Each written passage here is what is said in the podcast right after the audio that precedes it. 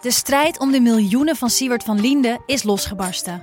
Zowel de staat als zijn stichting eisen de mondkapjeswinst terug.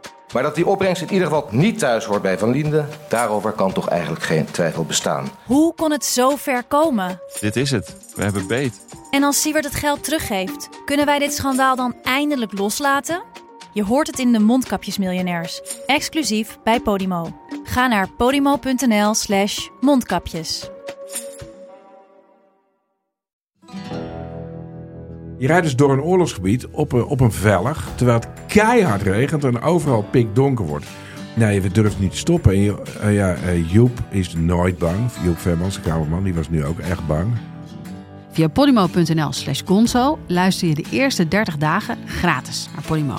podimo.nl slash gonzo. Willkommen, bienvenue, welcome. Fremde, étranger, stranger. Glücklich zu sehen, just wie enchanté. Happy to see you, bleibe reste stay. Willkommen, bienvenue, welcome. Im cabaret, au cabaret, to cabaret.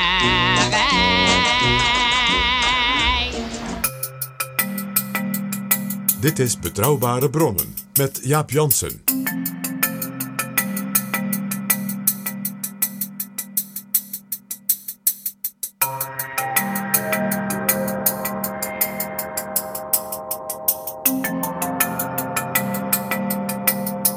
Hallo, welkom in Betrouwbare Bronnen, aflevering 113. En welkom ook PG. Dag Jaap. PG, we hadden het een tijdje geleden in Betrouwbare Bronnen, editie 91, over pandemieën in de wereldgeschiedenis.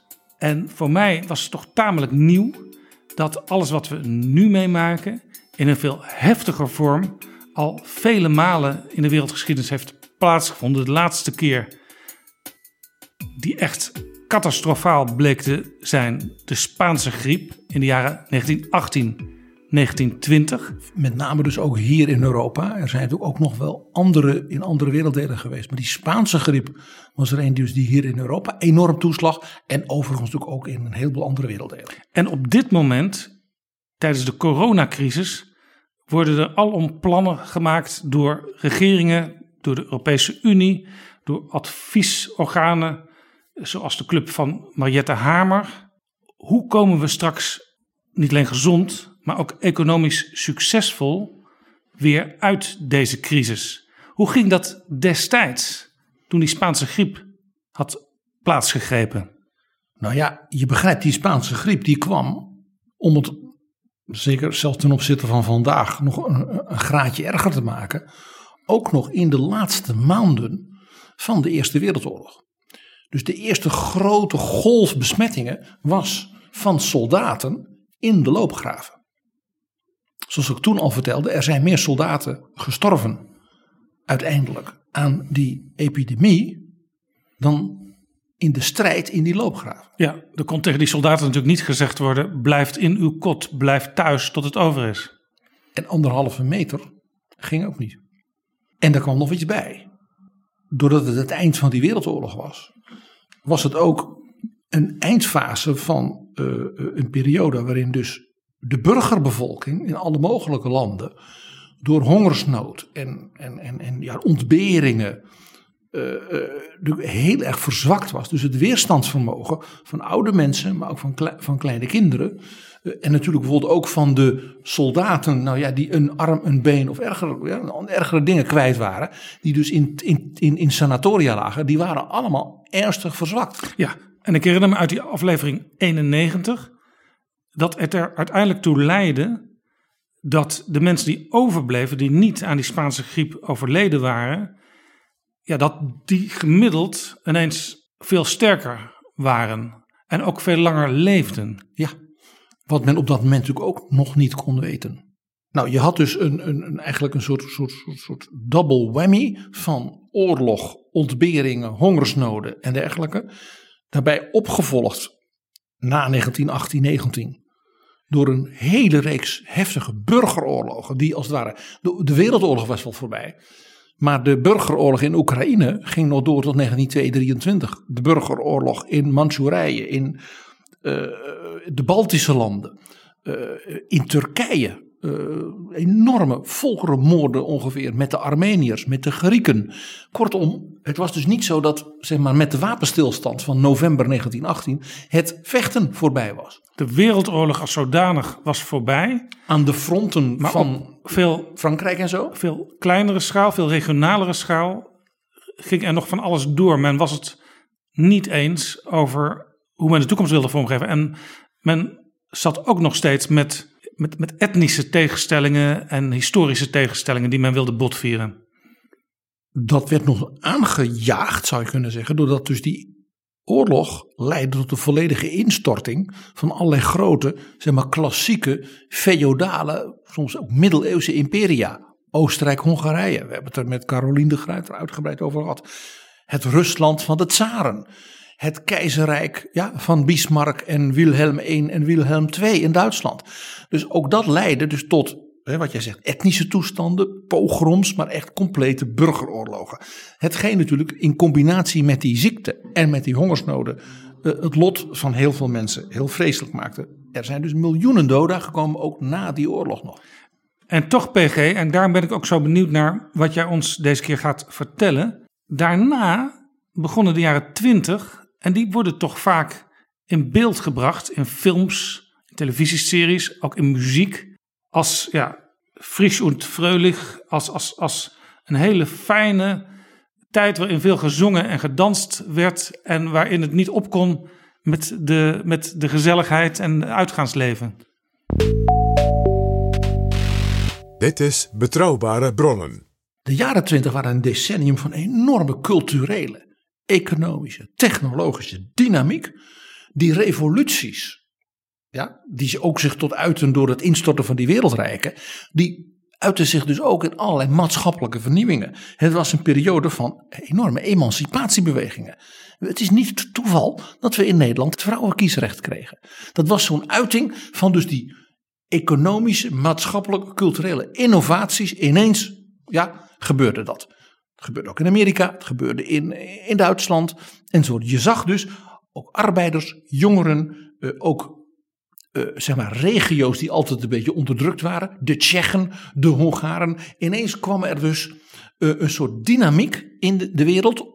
Ondanks en ook een klein beetje dus dankzij het feit dat door die oorlog en ook al die narigheid. dus de oude machtsstructuren ineens waren vervallen. Er was ook sprake van, nu 100 jaar geleden, van een globaliseringsgolf en een proces van individualisering. Ja. En die combinatie van zeg maar globalisering, individualisering en wat ik maar noem innovatie in culturele, technologische zin, daar zullen ik een paar mooie voorbeelden van vertellen straks. Zag je dus ook dat ineens in allerlei centra in de wereld, steden die vroeger zeg maar, het hoofdstad waren van zo'n keizerrijk, ja, dat die ineens als het ware de hoofdstad werden van ja, eh, hip, dynamisch, vernieuwend, eh, cultureel leven, uitvindingen, ook emancipatoren bewegingen. Eh, een stad als New York werd ineens de hoofdstad van de wereld. Maar Moskou, de, de, de stad van waar de tsaren met knoet, knoet heersten, werd de stad van enorme, letterlijk revolutionaire bewegingen. En ook dus enorme kunstzinnige veranderingen en staatkundige veranderingen. En ook natuurlijk onderdrukking onder Stalin. Maar die eerste jaren van de jaren twintig waren een en al innovatie. Dat gold ook voor Parijs. Altijd natuurlijk een culturele hoofdstad. En niet te vergeten Berlijn, dat van keizerlijke hoofdstad waar voortdurend kerels met, eh, met helmen opliepen te paraderen, werd het ineens een enorme hippe stad. En Londen, wat wij natuurlijk kennen als de, de stad van the bright young things. Ineens was dus jonge mensen en heel bijzonder vooral ook jonge vrouwen werden zeg maar, de dragers van die innovatie. En dat had ook te maken met dus de gruwelijke kant dat al die jongens dood waren. Dan wel een arm of een been kwijt waren. En er bijvoorbeeld heel veel ook posttraumatische stress onder dus de soldaten en dergelijke was. Dat gaf dus die vrouwen ineens, ja, om dan zo te zeggen, maatschappelijke armslag. En het leek zeker in die steden die hij noemt wel of ze al die ellende van de jaren daarvoor wilden uitwissen en wilden inhalen wat niet meer kon in die tijd. Er was een enorme behoefte aan, mag ik zeggen, een wat licht hysterische ontspanning. Het Berlijn van die jaren twintig, wat zo ja, bijna iconisch is geworden, ook in de kunst en in de herinnering van mensen. Daar had men het over twee begrippen voor die tijd. Die goldene zwanziger, de gouden jaren twintig. Maar hij werd ook genoemd dat decennium der Tanz auf dem Vulkan. Ja, de deugdmatiging die was eventjes helemaal achter de horizon verdwenen. In Amerika kennen we het natuurlijk als de Roaring Twenties. De, de golvende, de, ja, de, de roaring dus van, van, van, van, van golven op een oceaan. De Twenties, dat was Ho- Hollywood. Dat was iets compleet nieuws. Hollywood. Waarom zaten ze daar? Vanwege het licht. In Los Angeles. Ja, ze zaten in die landerijen, want dat was het. Hollywood waren, waren eh, landerijen, eh, eh, fruitboomgaarden onder andere, aan de rand van Los Angeles. Op heuvels. En daarachter had je die heuvels, precies. En omdat het licht in Los Angeles eigenlijk het hele jaar heel saai allemaal hetzelfde is, was dat dus voor die vroege filmopnames ideaal. Want ja, de verfijnde lichttechniek van nu had men nog niet. Oorspronkelijk, het oorspronkelijke Hollywood, dus het centrum van de filmindustrie, was de stad Chicago. En dat had weer te maken met dat Chicago zeg maar, het Utrecht Centraal Station van Amerika was. Daar kon je dus concentratie doen. Maar, je hebt Maar dat licht van, van Los Angeles maakte Hollywood dus om die reden technologisch noodzakelijk. En dat is waarschijnlijk ook een reden waarom een Hollywood, een Europees Hollywood, nooit in Nederland eh, zou kunnen zijn gestart. Vanwege die bewolking die er steeds weer is. Als je Hollywood in Europa had willen hebben, dan had dat ergens in Italië of bijvoorbeeld in Barcelona kunnen zijn. Maar ja, veel armoede en burgeroorlogen. Ja, en dus ook niet in Berlijn, waar wel een enorme filmindustrie ontstond. Heel interessant. Naast Hollywood, hè, iconisch van de jaren twintig, heb je ook de UFA. Ulstein Filmagentuur. Dus de uitgeverij Ulstein. Die, en die bouwde in Babelsberg. Je kunt er vandaag een rondleiding krijgen. In die eh, dus eh, klassieke filmstudio's van Babelsberg, van de UFA. Waar, En dat is in Potsdam. en daar hadden de Nationaal Socialisten toen zij eenmaal opkwamen veel profijt van. Van het feit dat die filmstudio's daar al waren. En dat Berlijn, dus met zeg maar Hollywood, dus op het gebied van de technologie en de fantasie en de ja, experimenten helemaal voorop liep op het gebied van de nieuwste dingen van de filmindustrie. Daar heeft men zeker gebruik van gemaakt. Dus daar in Babelsberg, daar bouwde men dus eh, die grote studio's. En dat was anders dan in Hollywood, dus niet in de open lucht. Dus daar was de belichtingstechniek en dat zie je ook als je kijkt naar de, de, zeg de cowboyfilms van de jaren 20. Dat je niet veel belichtingstechniek was in de open lucht. Want dat was altijd mooi weer en altijd hetzelfde licht in Hollywood. Maar die aparte, bijna film noir-achtige dingen van die Duitse films van de jaren 20. Nu snap jij waarom. Ook altijd veel scènes in cafés en restaurants. Ik zie waar jouw belangstelling eruit gaat. Nou, dit, dit was dus de tijd van, ook van Broadway. Hè, waarbij dus de toneelwereld, de musical en alles, wat natuurlijk onmiddellijk als vernieuwing zich doorvertaalde naar Hollywood. Vooral omdat vrij snel in de jaren twintig de geluidsfilm kwam. Wat natuurlijk enorme consequenties had, niet alleen voor de entertainment, maar ook voor de politiek. Voor de propaganda van de politiek. En dus je, je zegt het, dat had men natuurlijk in de Sovjet-Unie heel snel door.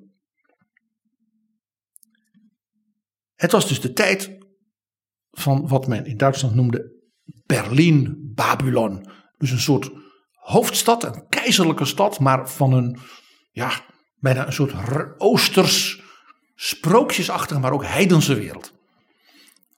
Het was Ba- Babylon en Babelsberg, hebben die namen ook met elkaar te maken? Het is een hele mooie. Het antwoord is nee, maar het is wel heel leuk. Het is de tijd van de Art Deco. als kunst. Hè, wat je ook heel veel in die films ziet. Eh, het is de tijd van de jazz age. Hè, ineens werd de jazz een zeg maar, gewaardeerde eh, en ook als het ware serieus genomen geliefde muziekvorm. Dat betekende dus ook een enorme emancipatoren kant voor de zwarten. Een hoop di- discriminatie hoor, eh, Daniel. Maar het maakte ineens de zwarten als kunstenaar, als vernieuwers interessant. Mede geholpen natuurlijk weer door de geluidsfilm. De tijd van de flappers. Ja? De meisjes met hele korte rokjes en kort geknipt haar. eh, die de Charleston dansten. Dat was dus niet het meisje van voor 1914 in een hoepelrok. Rok, ja, dat eh, nog naar eh, zeg maar een school ging om eh, nette manieren te leren. Ik zeg het allemaal een beetje, hè, maar je moet dus die revolutionaire kant van deze periode niet onderschatten. Het is de tijd van de Great Gatsby. Het is de tijd van Dada in de kunst. Nou, het, je hoort het zijn allemaal dus experimentele, vernieuwende, vaak ook provocerende, uitdagende manieren van leven waarvan men zei: ik ga dat proberen. En ook een hele grote tegenstelling door die snelle ontwikkelingen in de steden, in de cultuur tussen de stad en het platteland. Waarbij het platteland natuurlijk leegliep en jonge mensen, als het maar kon, een plek proberen te krijgen in die steden. Niet in het minst dus de jonge vrouwen. Maar er werd in eerste instantie raar opgekeken als je bij wijze van spreken in je stadskleding uit de trein zou stappen in een plattelandsdorpje. Er zijn heerlijke verhalen over. Zeker van dus die slimme jonge mensen uit de cultuur in de steden, als ze dan hè, op het platteland waren. Dat, dat hoort er een beetje bij. Het is de tijd van Hemingway. Het is de tijd van Scott Fitzgerald ja, als schrijvers. Maar ook de tijd, een voorbeeld wat ik net noemde van hoe de jazz van Josephine Baker. Dus dat zwarte meisje uit St. Louis, ze was eigenlijk analfabeet. Die als nauwelijks tiener, als danseres. En daarna een, ja, onsterfelijk populair, ook in Europa. Eh, daarna in Parijs had ze haar eigen cabaret. Ze had een heel theater voor zichzelf. En werd uiteindelijk een verzetsheldin in de jaren 40 tegen de nazi's. En daardoor in Frankrijk een soort nationale figuur. Dat En- kon alleen door, door die, zeg maar, die, die emancipatoren, innovatieve, uitdagende kant van de jaren 20. Bonsoir, bonsoir, bonsoir. Comment ça va? Ça va bien ou ça va comme ci, comme ça? Très bien. Il est inutile de vous dire ma joie, bien entendu. Simplement, avec votre permission, je voudrais vous raconter une toute petite histoire. Comme ceci. C'est autour d'un lointain voyage me trouvant à l'étranger. Quand monsieur son langage, gentiment un jour m'a demandé, allez-moi donc la vie lumière, Paris est vraiment si joli, on le dit unique sur la terre. Simplement, j'ai répondu, ceci. Eh bien, de le petit matin le plus joyeux de tous les petits moineaux de Paris. Eh bien, voilà Paris. Van Josephine Baker bestaat ook nog een geluidloos filmpje dat ze een bezoek brengt aan Volendam. En daar zie je ook wel eh, de spanning tussen de dorpsheid van Volendam en haar persoon. Daar, daar, dat gaat wat moeizaam, maar toch werd het blijkbaar trots gefilmd in die dagen. Ze was beroemd. Over het verschijnsel beroemd zal ik straks nog iets vertellen. Het is ook de tijd van het surrealisme in de kunst. Mag ik nog iets noemen wat dus volkomen revolutionair werkte in de media, in de kunst en wat dan niet. In 1922 werd in de Vallei der Koningen het graf van Tutankhamon geopend. Gevonden en geopend en toen kwam die onvoorstelbare schat van kunst uit het oude Egypte van duizenden jaren oud kwam naar voren.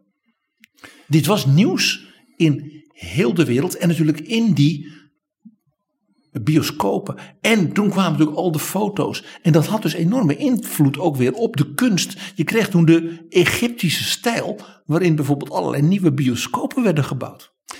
En het was ook zo interessant, die opening van het graf van Tutankhamon, dat de Belgische koningin ernaar ging kijken. Die stond dus echt met haar neus bovenop, samen met haar zoon Leopold III. Koningin Elisabeth. Dat was ook een enorme kunstliefhebber. U begrijpt, ik denk onmiddellijk aan het Elisabeth Concours voor piano, viool en opera. Dat hè, om het jaar in Brussel wordt gehouden. Ik heb begrepen dat dit jaar het helemaal virtueel en online gaat. Vanwege corona. Zo zien we de verbindingen met de jaren twintig. Het was natuurlijk de tijd van seks, drugs en dan niet rock and roll, maar Dixieland. Waar de VVD nog lang plezier van heeft gehad. eh, tot in de jaren 70, misschien wel begin 80.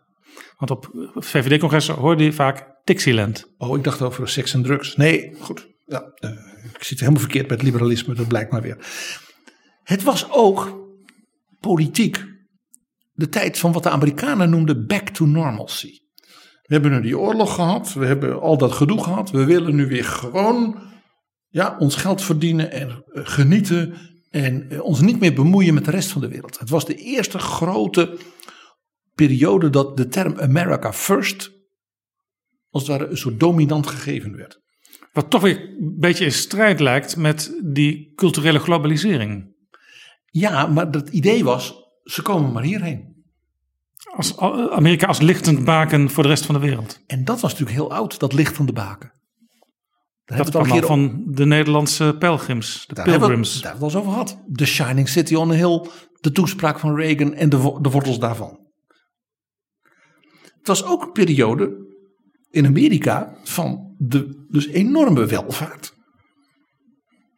De auto, de huishoudelijke apparaten, elektrisch. Dus vrouwen konden, hoefden niet meer te, te, te, te zwoegen. Ook dat was een onderdeel van die, van die emancipatiegolf. En de glorietijd ook van de maffia. Want dat was de jaren van de prohibition. Het drankverbod. Ja, want Amerika moest natuurlijk weer back to normalcy. Het moest weer een fatsoenlijk land worden. Dus. En de vrouwen gingen stemmen. Dus de politici dachten: als we nou gaan zeggen een verbod op de publieke consumptie van alcohol.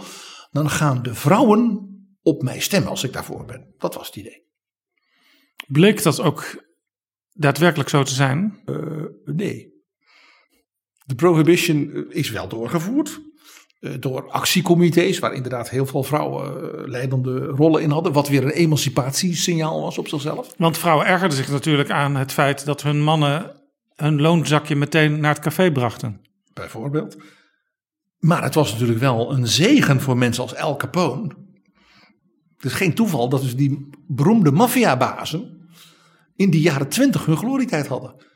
En ik noemde nog zo een die enorm rijk geworden is door shady dealings met onder andere de illegale import en export van drank. Namelijk Joseph Kennedy senior. De vader van JFK en Robert Kennedy en al die anderen. Die onder andere zo rijk werd doordat hij zijn geld belegde in wat? In Hollywood. Joe Kennedy senior was dus een, een, een hele handige donder zeg maar, met geld als belegger. En dus ook in dat soort nieuwe media en technologie. Kortom, Een lichtend voorbeeld voor John de Mol. ik, ik weet niet of de kinderen van John de Mol nou meteen staatshoofd moeten worden.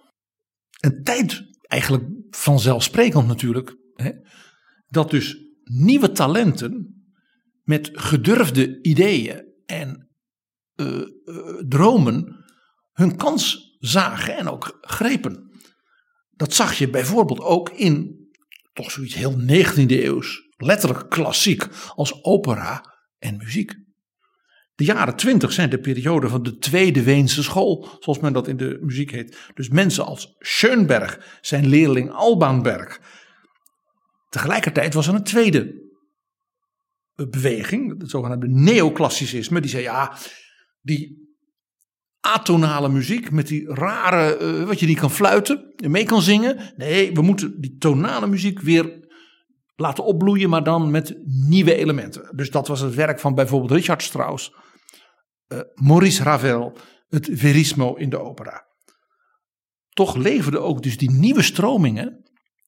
Hè, dus beide, zowel de Tweede Weense school als dat neoclassicisme, dus ook weer hele nieuwe meesterwerken op die tot de dag van vandaag ja, met veel genoegen en met groot succes wordt uitgevoerd. De grote opera Mozes doet Aaron over dus het Joodse volk in de woestijn van Schoenberg. Dan natuurlijk het meesterwerk van Richard Strauss, Die Vrouw ohne Schatten. In 1925 werd de eerste succesvolle opera van Alban Berg, Wozzeck, uitgevoerd. Die tot de dag van vandaag echt een, een topstuk is. En omdat Alban Berg vroeg stierf, is zijn opera Lulu naar een heel ruig toneelstuk. Pas in 1979 voor het eerst uitgevoerd, omdat een andere componist zeg maar, het laatste gedeelte toen heeft gecomponeerd. Toen heeft men in Parijs. Dat geeft dus aan dat zelfs nog 50 jaar later ja, zo'n stuk nog als het ware uh, ja, vernieuwend is en uitdagend en dergelijke. In 1918 had je van meneer Schreker de opera Die Gezeichneten. werd voor het eerst uitgevoerd in 1918 in Frankfurt. En werd daarna natuurlijk heel snel entartete muziek genoemd. En uh, dus ook verboden. Ja, dat is wel gek hè, dat heel veel vernieuwingen al vrij snel toch weer opzij werden geschoven door het nieuwe politieke regime in Duitsland. En in de Sovjet-Unie. Je, je weet nog het verhaal over hoe Stalin de opera Lady Macbeth Metsensk van Shostakovich, die ook in de jaren twintig natuurlijk als jonge, hele jonge fans zijn grote eerste bloei meemaakte, even flink onder handen nam. Dit is dus iets dat in, in verschillende zeg maar, dictaturen na die innovatieve uh, gloriejaren van de jaren twintig is men dat gaan terugdringen. Want het moest niet al te wild en al te individualistisch en al te... Hè? Ja, want ik weet in, in het begin van uh, de Sovjet-tijd was het juist ook nog wel een bloedperiode voor moderne kunstenaars. Maar dat was al snel weer voorbij. Dat heeft tot, tot zeker de tweede helft van de jaren twintig heeft dat gedaan. Maar toen Stalin zeg maar, rond 27, 28 toch echt wel de baas was. Begon dus ook de, de, de, de, de, zeg maar, het terugdraaien. Eh, toen moest, men mocht dan wel moderne mooie nieuwe dingen doen. Hè, ook Shostakovich. Maar hij moest wel ook filmmuziek schrijven voor propagandistische uh, verhalen. Waarin arbeiders geweldig hard werkten. En uh, koren werden gezongen ter ere van Lenin, Stalin en de revolutie. Want je leerde natuurlijk ook van de moderne kunst. Denk ook maar aan iemand als Picasso. Ja, om de dingen wat kantelend uh, te bekijken, zoals Lubbers het zou zeggen. Letterlijk. En dat was uiteindelijk niet meer de bedoeling van het nationaal socialisme en het communisme. Daar was maar één manier om dingen te bekijken. Het sociaal realisme. Dat politiek socialistische realisme is iets wat die extreme dictaturen van rechts en van links verbond. Ja, en het interessante is ook als je dat schilderwerk ziet uit die tijd, of het nu uit uh, Nazi-Duitsland of uit de Sovjet-Unie komt. Het zijn altijd wuivende korenvelden met blozende jongens en meisjes die de economie doen opstuwen. En kinderen die met bloemen zich scharen rond de leider, die opmerkelijk langer is dan hij in werkelijkheid is. Nog iets. Ja, dat is een andere kant en dat hoort nadrukkelijk wel bij het eigene van dus die bijzondere jaren twintig. Het waren de jaren van satire, van kritisch cabaret, uh, kritische theaterstukken, uh, uh, provocatieve gedichten, ook stout cabaret. Een beetje bloot, een beetje ondeugend, een beetje uitdagend, een beetje anti-burgerlijk. Dat had natuurlijk te maken met, dat was ook een reactie natuurlijk op, ja, zeg maar, die, die, die, die, die jaren van voor de Eerste Wereldoorlog. En natuurlijk de ondergang van die uh, keizerrijken en de adel en uh, de, de, grote bazen in die oorlog. Cabaret moet het hebben van dubbele bodems. Ja. En daarom is het, kan het ook gevaarlijk zijn voor dictatoriale regimes. En dus was in die jaren twintig, toen alles opengegooid was en dus die oude hap als het ware weg was, kreeg dat dus alle ruimte. Kritische journalistiek, satire, uh, in de letterkunde, in het theater en dus ook in het cabaret, dus ook in het entertainment. En dus ook interessant als modetrend in de opera. Want we hadden het al even over de Sovjet-Unie. Dat je zei, het was toch daar ook? Jazeker. De uitermate uitdagende en vrolijke opera De Liefde van Drie Sinaasappels van Sergei Prokofjev is uit die tijd en wordt nog altijd uitgevoerd. En nog meer, en briljant stuk, ik zeg het maar gewoon, De Neus, naar het beroemde verhaal van Nikolai Gogol in de 19e eeuw, van Dmitri Shostakovich.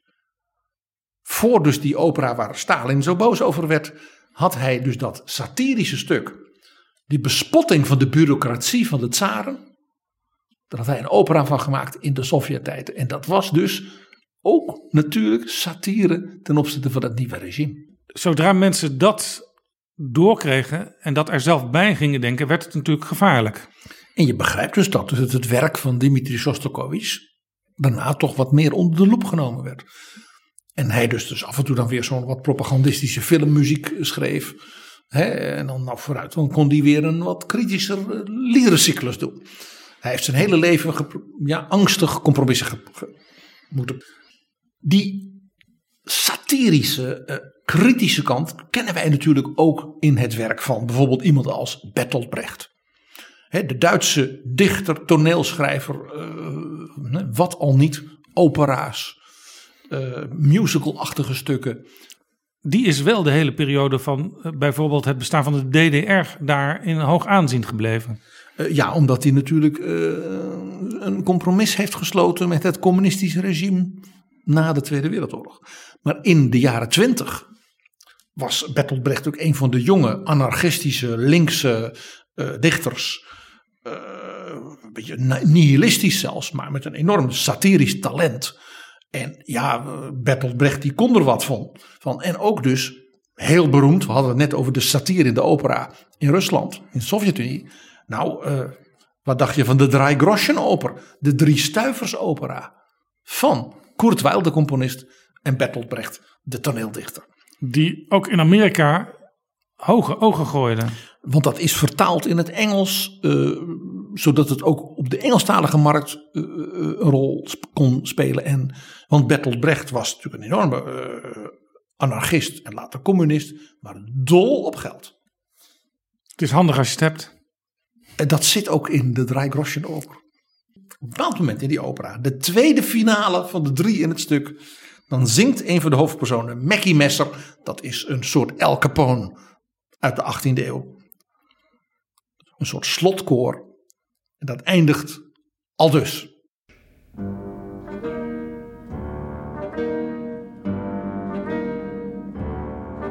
Ihr Herrn, dir uns lehrt, wie man brav leben und Sünd und Missetat vermeiden kann. Zuerst müsst ihr uns was zu fressen geben, dann könnt ihr reden, damit fängt es an. Die ihr euren Wanst und unsere Bravheit liebt, das eine wisset ein für allemal, wie ihr es immer dreht und wie ihr's immer schiebt. Erst kommt das Fressen, dann kommt die Moral. Erst muss es möglich sein, auch armen Leuten vom großen Brotleib sich ihr Teil zu schneiden. Denn wovon lebt der Mensch? Eerst komt das fressen, dan komt die moraal. Mackie Messer, het is zelfs nog in het Nederlands uitgevoerd. Ook herinner ik me, dat zal ik nu niet laten horen. Maar zo veel indruk maakte dat dus wereldwijd. Pure anarchistische materialisme. Waarin mensen als Brecht en andere kritische dichters van die tijd hun tijd dus ook uitdaagden. Eerst vreten, dan moraal. Hij wel. Mag ik nog één naam noemen, heel even, omdat hij in ons land niet zo bekend is. De absolute nummer één van de satire, de columns, de gedichten, de toneelstukken van die tijd was Kurt Tucholsky. Het werk van deze man is te leuk bijna. Je kunt het ook nu nog lezen. Hij heeft ook allerlei dingen gedaan die columnisten van vandaag nog wel doen. Hij had bijvoorbeeld in het blad wat hij hielp volschrijven, had hij onder pseudoniem verschillende columns. En dan maakten ze dus ruzie met elkaar. Dan stuurde ze hij dus woedende brieven als columnist 1 tegen de column vorige week van columnist 3. Het was een schande, die moest voor de rechter. Ik dreig met een aanklacht.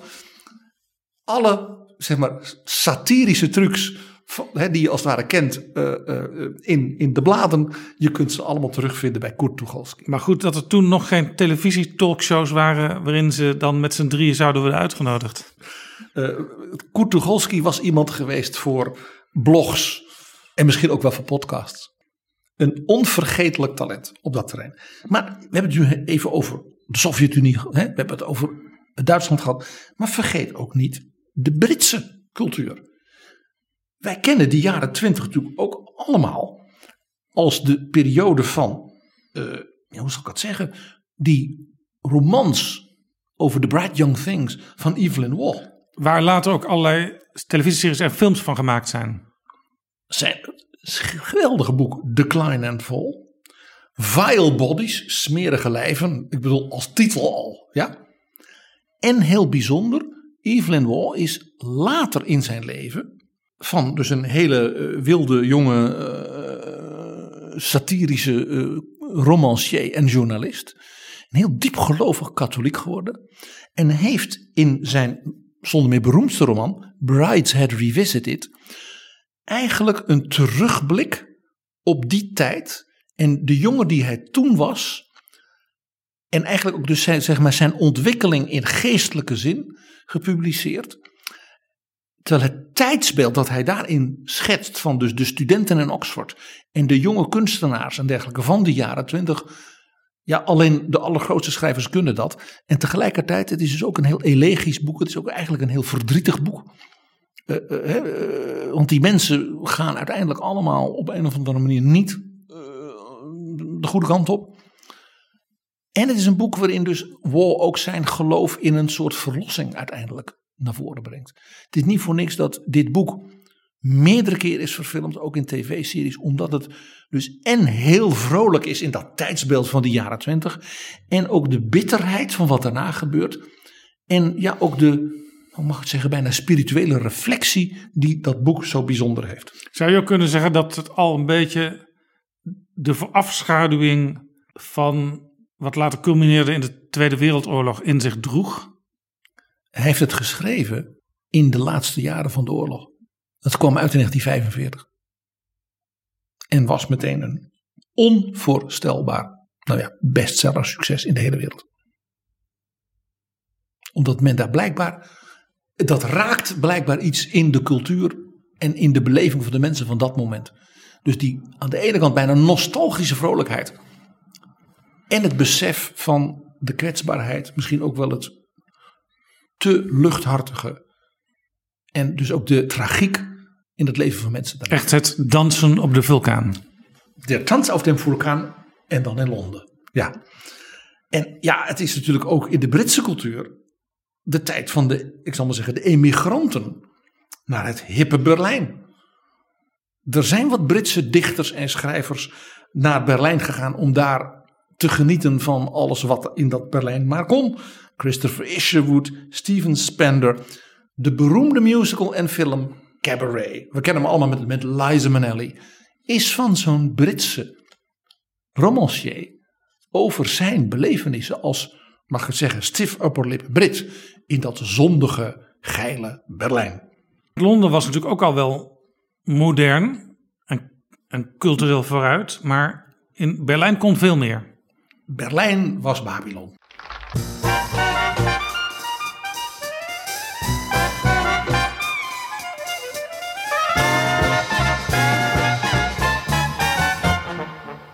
What good is sitting alone in your room? Come hear the music play. Life is a cabaret, old chum. Come to the cabaret. Put down the knitting, the book, and the broom. It's time for a holiday. Life is a cabaret, old chum. Come to the cabaret. Come taste the wine. Come hear the band. Come blow your horn. Start celebrating. Right this way, your table's waiting. What good's omitting some prophet of doom to wipe every smile away?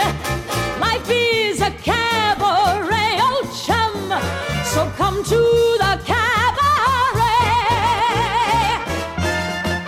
Dat was een stukje uit Cabaret. Je hoorde Liza Minnelli. Ja, we zijn dus echt nu helemaal in het gouden decennium, hè, zeker in de terugblik van Berlijn, het Babylon van Europa. Kijk, die keizerrijken waren ingestort. Ja, alles wat men dus gewend was geweest en waar men hè, trots op was geweest. Alles was stuk. In plaats van de keizer en Bismarck hadden ze nu de oud-partijvoorzitter van de SPD, Friedrich Ebert, als president van de republiek. Dat Berlijn, dat moest zichzelf helemaal opnieuw uitvinden. Het was daarvoor natuurlijk een stad geweest van het leger, ja, van de keizer, ja, van de adel. En nu ineens, dat was allemaal weg. Dus er zat een soort vacuüm in die stad. En een vacuüm wordt gevuld door jonge mensen, door die dans op de vulkaan. Ik zal je een stukje uit de memoires van Klaus Mann, de zoon van Thomas Mann. Hoe hij in Der Wendepunkt als jonge jongen dan in Berlijn komt. En hoe hij dus Berlijn dan beschrijft. Dat, laat ik zeggen, dat, dat, dat zegt meer dan alles wat ik hier kan vertellen. Ik lees het even voor, Jaap. Ich bin Babel, die Sünderin. Das Ungeheuer unter den Städten. Het monster onder de steden. Das Berliner Nachtleben, Junge, Junge. Sowas hat die Welt noch nicht gesehen. Früher mal hatten wir eine prima Armee. Jetzt haben wir prima Perversitäten. Laster noch und noch. Kolossale Auswahl. Es tut sich was, meine Herrschaften. Das muss man gesehen haben. Het klinkt een beetje als zo'n man in een pandjesjas bij de ingang van een circus tent. Die oproept, komt, komt dit zien, komt dit zien. En het klinkt ook heel anders, als je Klaus Mann hier via jou hoort. Klinkt heel anders dan zijn vader Thomas Mann, die wij kennen van de hele serieuze toespraken. En dikke romans. En ja, om je een idee te geven van hoe Berlijn zichzelf heruitvond. In die jaren, zeg maar, na dus Versailles. De meneer Kurt Morek publiceerde een boek. Maar dat was helemaal niet zijn echte naam. Dat was een straatarme literator, weet je wel, die dus, nou ja, dichtbundels en wat dan niet. En daar geen rode cent mee verdiende. En nu in één klap rijk was. Die publiceerde namelijk, ja, ik begin, je hoort me lachen, een reisgids. En die heette Führer durch das lasterhafte Berlin. Reisgids door het zedeloze Berlijn. Iedereen kocht dat die naar Berlijn ging. Ook de hele nette mensen die dat in een klein hoekje ook wel eens wilden lezen. Kurt Morek was zat gebakken. Het zijn natuurlijk ook de jaren van mensen als de schrijver Alfred Dublin. Was een jonge arts in een van de armste wijken van, van Berlijn. Die over zijn ja, ervaringen die roman schreef Berlin Alexanderplatz. Waar later ook een televisieserie van is gemaakt. En een beroemde film van Fassbinder. En, en, en, en, die is zelfs al verfilmd nog in die tijd. Dus een moderne roman van toen, die dus in die tijd van dus die experimentele, moderne Duitse filmkunst van de UvA meteen werd verfilmd. Het was de glorietijd van de Koerfürstendam. Daar, dat was de uitgaanswijk. Er waren ruim 400 bioscopen op dat moment. Dus rond de Koedam en in Berlijn. En dat kostte 30 pfennig als je erheen wilde. Dus het was massaal werd dat bezocht. Dus de film maakte ook dat toneel, de dans, dus ja, andere letterlijk beelden moest gaan zoeken. Dus regisseurs, dansers, ontwerpers gingen dus ook geïnspireerd door de film weer nieuwe dingen proberen. En ja, Berlijn was natuurlijk hè, dat lasterhafte Berlijn. Hè, zoals uh, Klaus Mann zegt, prima perversiteiten. Het was ook de stad van Olala cabarets. En van de jonge Marlene Dietrich. Ik heb begrepen in Duitsland dat je eigenlijk Marlene Dietrich moet zeggen. Natuurlijk werd het Marlene. Ich bin von Kopf bis Fuß auf Liebe eingestellt, denn das ist meine Welt und sonst gar nichts. Das ist, was soll ich machen, meine Natur. Ich kann halt Liebe nur und sonst gar nichts. Männer umschwirren mich wie Motten und das Licht. Und wenn sie verbrennen, ja dafür kann ich nicht. Ich bin von Kopf bis Fuß auf Liebe eingestellt. Ich kann halt lieber nur und sonst gar nicht. Dat was Marlene, in Nederland meestal Marlene Dietrich genoemd. En net als Josephine Baker werd zij een icoon in het verzet en de strijd tegen de nazi's. Maar zij in Hollywood. Heel veel Duitsers na 45 hebben haar nauwelijks kunnen vergeven, dat heeft heel lang geduurd, dat zij dus enthousiast optrad voor de soldaten van de USA op alle fronten. En dat zij juist als Duitse actrice, zangeres en wat dan niet, zei van ik strijd voor vrijheid en dergelijke. Dat is een bijzonder element van haar, uh, wat je toch wel even mag noemen. En het gekke is ook dat als je het liedje uh, Lili Marleen neemt, wat door de nazi's heel erg ook gebruikt is, en ook bijvoorbeeld door Sarah Leander werd gezongen, maar dat het toch het meest op de radio heeft geklonken via de mond van Marlene Dietrich. Buiten Duitsland. Er zijn twee mensen die Jozef Goebbels als minister van propaganda drie, vier jaar lang, dus december tot 37, geprobeerd heeft terug te lokken naar Duitsland. Door hun werk niet te verbieden. Door ze niet hun burgerschap af te pakken, hun paspoort enzovoort enzovoort. Twee mensen. Thomas Mann en Marlene Dietrich. Zo iconisch waren die, die voor, zeg maar, voor de Duitse cultuur en voor de, de Duitsers ook als symbool. Dat Goebbels probeerde en probeerde en probeerde. Ja, ik heb later, dat was uh, veel later, na de val van de muur, een tentoonstelling gezien over Marlene Dietrich in Potsdam. En daar werd haar alle eer bewezen. Dit is Betrouwbare Bronnen, een podcast met betrouwbare bronnen.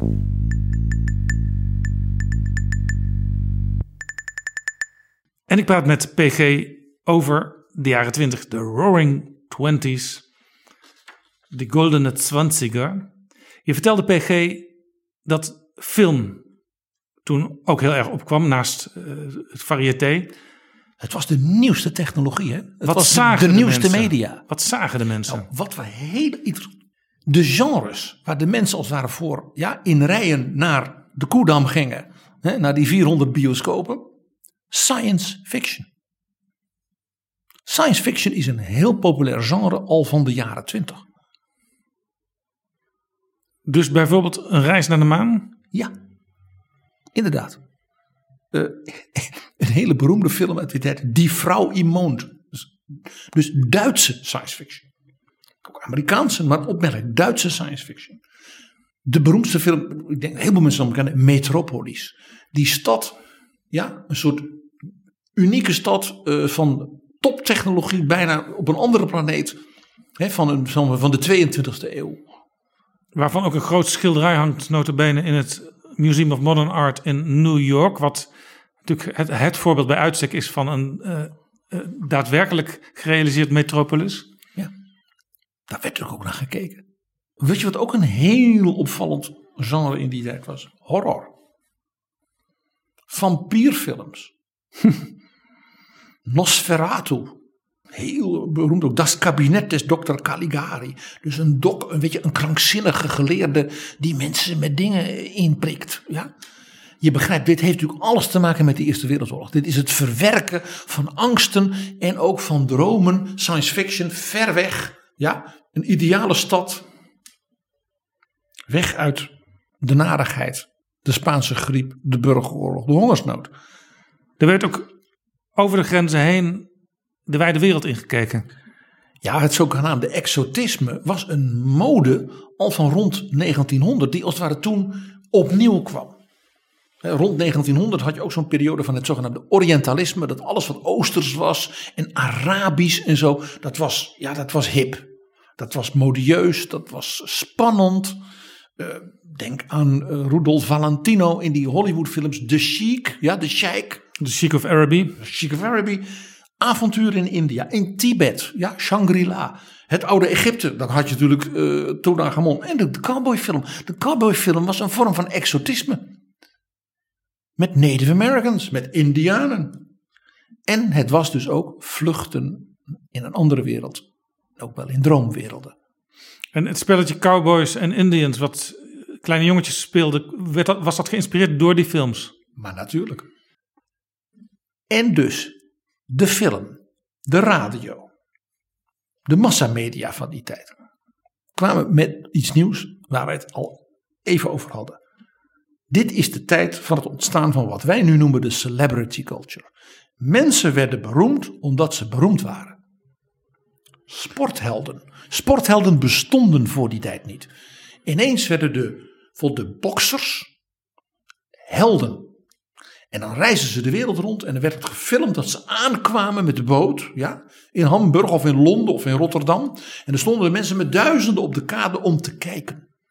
Denk aan Charles Lindbergh die met zijn vliegtuig, weet je wel, als eerste over de oceaan kwam. Lindbergh was beroemd omdat hij beroemd was. Er waren sportverslaggevers die misschien nog wel beroemder en bekender waren dan de sporthelden zelf. De stemmen van de radio werden een verschijnsel. En als daar ook nog iemand bij hoorde, ja, een gezicht wat je aan kon raken. En dus ook de cabaret mensen. Heintje Davids en Louis Davids bij ons. Die cabaretmensen werden ineens een nationale figuur. Niet alleen maar meer in het Jiddische, ondeugende en satirische cabaret van Amsterdam. Ook dat dus weer, die, zeg maar, de invloed van Berlijn en die kant was dus ook weer in Nederland merkbaar. Bijvoorbeeld doordat dus Joodse cabaretiers ineens nationale figuren werden. Ja, en alle belangrijke omroepen die hadden ook hun eigen amusementsavonden op de radio. En dat de- zorgde ook weer voor heel veel populariteit van nieuwe artiesten. En concurrentie. Ook dat is een opmerkelijk iets. Radio zorgde voor concurrentie in entertainment. Elke avond iets anders. Ja, zo hoorde ik dat Louis Davids een keer niet kon, omdat hij misschien een optreden ergens anders had of misschien wel ziek was. En toen op die avond zijn Snip en Snap ontstaan. Een eh, fameus duo. Heel erg ehm oudbollig als je het nu hoort, maar heel populair in die tijd. En eigenlijk ja, min of meer bij toeval ontstaan. Omdat de concurrentie. Je moest die avond wel vullen. Dit zijn dus dingen. Dat was dus allemaal helemaal nieuw. Het was de podcast van toen. Het was dus de nieuwe media. Het was proberen, innoveren, experimenteren. En dat was in de opera. Dat was dus ook in het cabaret. Het was in de sportverslaggeving. Het was vliegen over de oceaan. Wat ik al eerder zei. Dit was een tijd van dus ongelooflijke dynamiek in, in, in waarbij dus avonturen ineens waarheid konden worden. Ook in die zin wel vergelijkbaar met deze tijd waarin eh, de technische ontwikkeling een enorme vlucht neemt. En dat was toen natuurlijk zeker ook het geval. En wereldwijd en overal. En in een tijd na een vreselijke epidemie en zorgen die mensen hadden gehad. En onrustige, woelige wereld. Dat belooft nog wat voor de komende jaren na 2020. Nou, we hadden het al even over eh, het symbool van, van de jeugd en de cultuur van die tijd. Is inderdaad, de naam viel al, Klaus Mann, de zoon van Thomas Mann. En denk je, ja, maar Thomas Mann, ja, die is heel beroemd. Hè? Klaus wat minder. Ja. Wel in de Duitsstalige wereld, maar inderdaad, eh, laat ik zeggen, eh, eh, hij, hij, was niet zo'n zekerheidje als zijn vader, zal ik maar zeggen. Het was ook een beetje een avontuurlijke jongen. Dat past ook bij die tijd, waarin hij opgegroeid was. Hij begon met, hij wou danser worden. Maar ja, hij moest ook een boterhammetje verdienen. Dus hij werd in Berlijn al, nou toen was hij geloof ik nog nauwelijks twintig, journalist. lees. Hij schreef dus eh, eh, ophitsende stukjes over variété-voorstellingen waar hij was geweest. Hij werd dus essayist, hij werd romancier, hij werd toneelspeler, hij werd toneelschrijver. Hij, hij, hij trad zo dus wel in de voetsporen van zijn vader. eh, maar dat wufte en dat overvrolijke, dat, dat kan me voorstellen dat zijn vader daar toch wel wat moeite mee had. Dat- ja, zijn vader eh, glimlachte. Was ook wel stiekem een beetje jaloers. Eh, eh, maar het was wel allemaal een beetje, beetje, beetje, beetje lichtzinnig. Eh, Klausman was niet de vertegenwoordiger van Goethe op aarde. Hè? Zal ik maar zeggen. Eh, hij werd ook een wereldreiziger, want dat hoorde er ook bij. Dus hij liet zich dan door Mercedes als het ware een auto cadeau doen. Maar dan moest hij wel heel rondrijden, want hij was dan dus een rondrijdende reclame voor Mercedes. Bertolt Brecht deed dat ook en overigens Thomas Mann ook hoor. Maar dat deed een mevrouw Mann, die had dat door dat dat zo werkte. Thomas Mann die schreef dikke boeken. Hij was natuurlijk uiteraard drugsverslaafd, want dat was eh, in die tijd eh, ongeveer iedereen. Pas in 1930 is er in Duitsland voor het eerst iets gekomen wat wij zouden zeggen als regelgeving ten aanzien van drugs. De jaren 20 van Berlijn, maar ook van New York en van die andere steden, waren gloriejaren voor de drugs. En de verslavingen waren ook enorm. Het was eigenlijk een variant op het gewoon roken van tabak. Ja, dat was ook gewoon. Dat kwam ook uit Azië, dat kwam uit de koloniale wereld. Dat speelde ook allemaal een rol. Dat is pas veel later, als het ware, is men regelgeving gaan doen. Dit voor eh, onze vriend Ver. Nou, we hadden het al even over Josephine Baker en eh La Dietrich. Wilde hier ook even zeggen, ook Klaus Mann werd, hoe lichtzinnig en luchthartig hij ook was. En, ja, en vrolijk en zo. We moeten het onderstrepen, na 1933 was hij een ongelofelijke bestrijder van het nationaal socialisme. En zijn autobiografie, die eigenlijk net als Evelyn Waug's Bryce had revisited, een zowel vrolijke als ook bittere, als ook zelfkritische reflectie is op de jongen die hij toen was en de man die hij werd. Der Wendepunkt kan ik zeer aanbevelen. Prachtig boek. En hier vonden Klaus en zijn vader Thomas elkaar dus ook wel weer in dat bestrijden van het nationaal socialisme. Nou, Klaus en zijn zus Erika hebben vader Thomas nog behoorlijk onder handen moeten nemen. Want die was soms van ja, mijn lezers in Duitsland. En omdat Goebbels natuurlijk probeerde hem, zei ja, als ik die lezers nou niet de steek laat, dan kunnen ze mijn boeken niet meer lezen. Dus ze hebben hem op een bepaald moment heel hard moeten aanpakken. Maar toen stak hij ook over en toen was Thomas Mann ook, nou ja, Thomas Mann zoals jij ook, hè, zijn reputatie als een geweldige natiebestrijder. Even, ja, dat is dan toch weer de tragiek van zo'n vader en zoon stel. Ik zei al, lees Der Wendepunkt, die autobiografie. eh, maar het boek over die generatie, over die lichtzinnigheid, over het wat, ja, uitdagende, het oplichterige, ja, van de jonge generatie van die tijd, is niet geschreven door Klaus Mann, hoewel, hij toch heel veel heeft geschreven. Maar door wie, je raadt het al, door zijn vader. Thomas Mann schreef de roman Felix Kroel. Die bekentenissen des hoogstaplers Felix Kroel. Alleen door de titel. De bekentenissen van de oplichter Felix Kroel. Hoogstapler. Ja. Dat verscheen in 1924. Een satirische, ironische roman. Over hoe jonge mensen door hun charme en hun intelligentie en hun volstrekte normloosheid alle andere generaties kunnen belazeren in hun eigen belang. En je leest hierin zowel een portret van Thomas en zijn vrienden, zal ik maar zeggen, als een zekere ironische distantie en jaloezie van vader Thomas. En dat blijkt uit een interessant gegeven. Het kwam uit in 1924. En het kwam uit in 1937 en het kwam uit in 1954. Thomas Mann heeft zowel in 37 als in 54 gewoon een deel 2 en een deel 3. Dus uiteindelijk werd het een heel dik boek. Want hij bleef teruggrijpen op die Felix Kroel.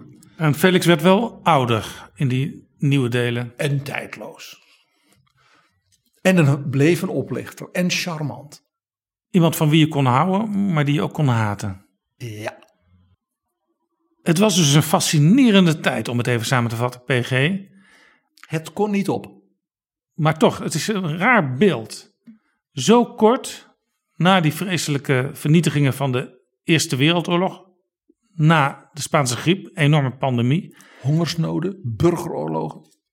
toch een enorme bloei in de jaren twintig. En vrolijkheid en, en, en vernieuwing. Dat heeft een economisch verhaal. En natuurlijk in hoge mate een bijna een soort mentaal, cultureel, spiritueel verhaal. Laat ik beginnen met, er was dus een enorme opgepropte energie geweest. Zeg maar, in die periode 1900, zeg maar 1918. Nou ja, 18, hè, met name in die oorlog werd dat natuurlijk als het ware nog enorm geconcentreerd. Van, we willen nieuwe dingen.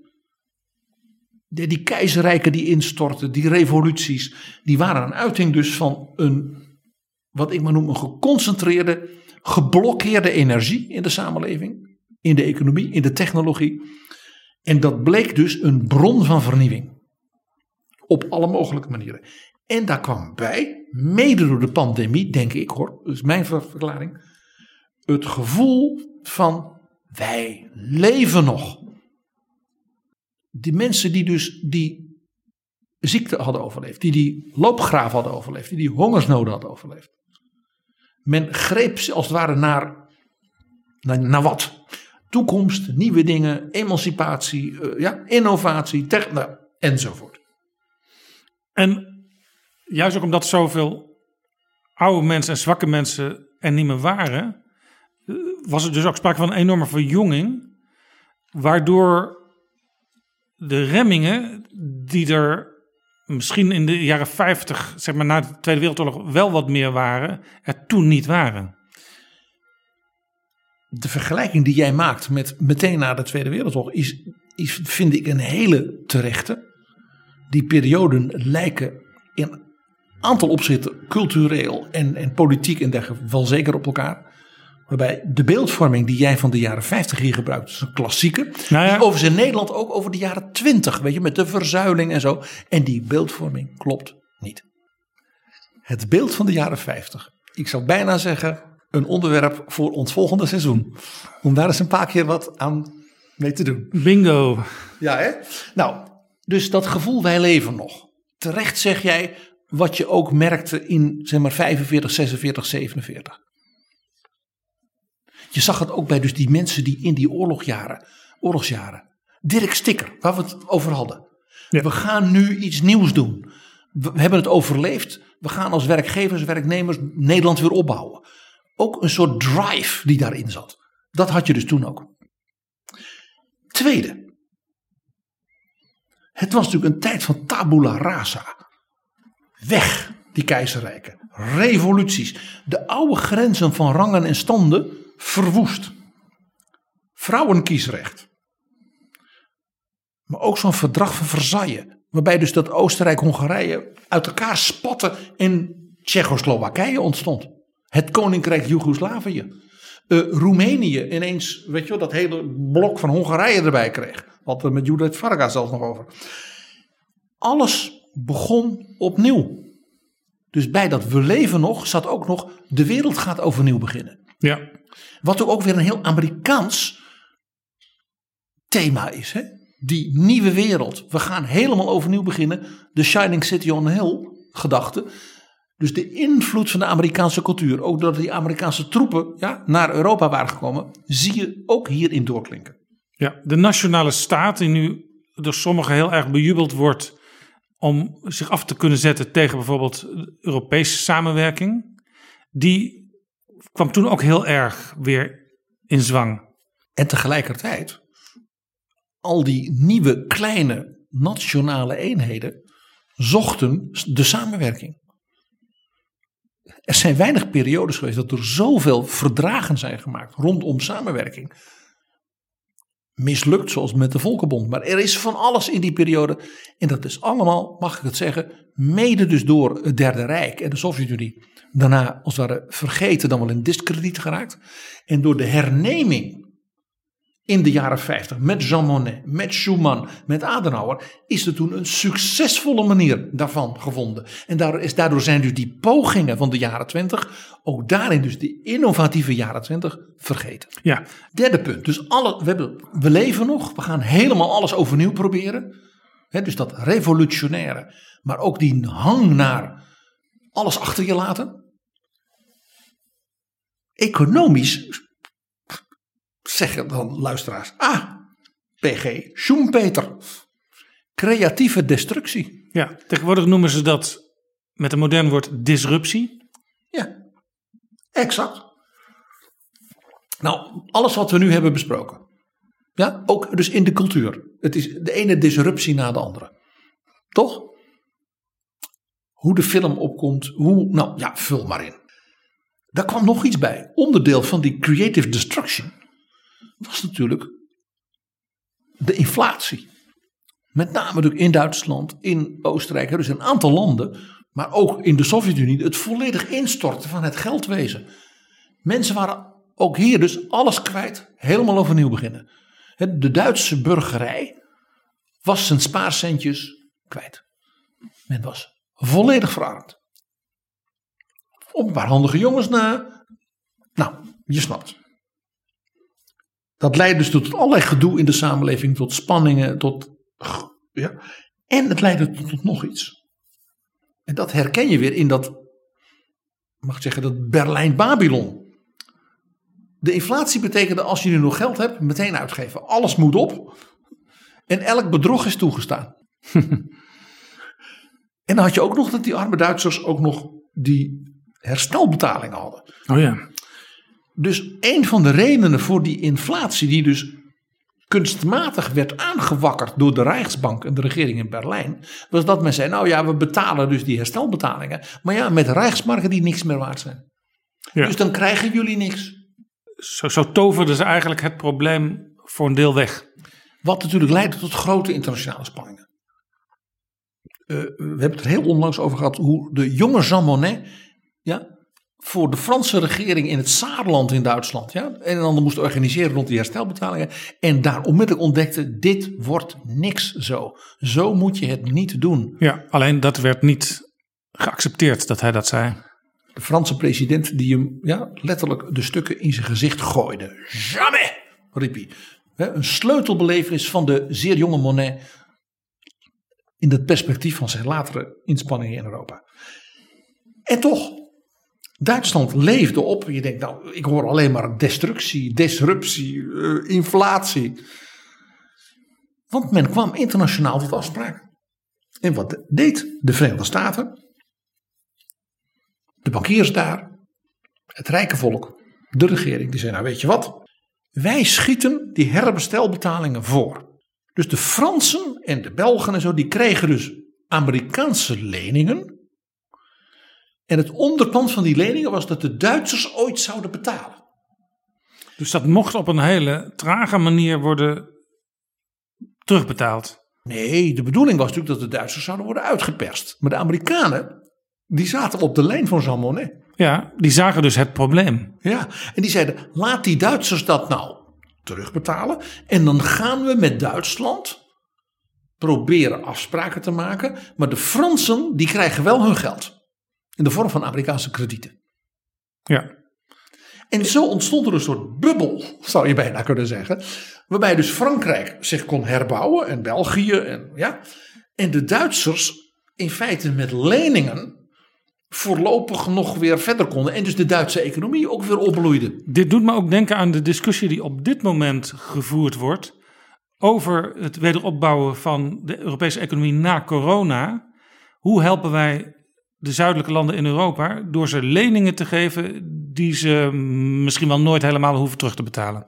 In elk geval dat je zegt van waar kunnen we financieel actuele nood lenigen en perspectief geven. He, dus dat wat de Amerikanen deden. He, Herbert Hoover zei: Het eerste wat ik ga doen is gewoon zorgen voor eten. He, voor die hongerende Belgische kinderen, voor de Duitsers enzovoort. Waar, waar zo'n ja, ook aan. Dat is interessant, want er heerste dus in Amerika bij velen een sentiment van America First. Maar toch dachten zij aan het wederopbouwen en het weer gezond maken van Europa. met kredieten en dan moesten ze dat betalen. En dan hoefden we daarna onze Amerikanen er niet meer mee bezig te houden, maar we konden er wel aan verdienen. Die kredieten die waren ook in zekere zin perspectiefvol, want die golf van technologische innovaties en revoluties en schaalvergroting en globalisering, ja, maakte het natuurlijk aantrekkelijk om te investeren in bijvoorbeeld de know-how van de Duitse industrie. Ja, doet me ook een beetje denken, ja, doet me aan heel veel denken uit de huidige tijd. Het, het Wopke Wiebesfonds is ook een idee om op een ja, vrucht, hele vruchtbare manier snel zaken te financieren en te innoveren. En ruimte te geven voordat er straks weer nog veel meer terugkomt dan wat je nu aan groei als het ware zou kunnen realiseren zonder dat. De musical van die dagen, we hadden het al over, Cabaret, was het dan ook Money Makes the World Go Round. Money makes the world go around, the world go around, the world go around. Money makes the world go around, it makes the world go round. A buck or a pound, a mark, a yen, a buck or a pound is all that makes the world go around. The clinking, clanking sound can make the world go round. Money, money, money, money, money, money, money, money. Money,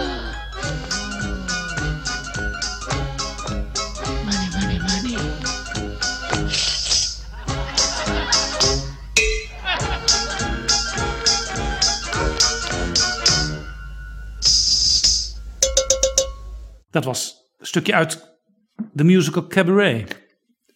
De ironie, de satire, waar ik het al eerder over had, van het cabaret van Berlijn, over dus die we leven op de pof gedachte.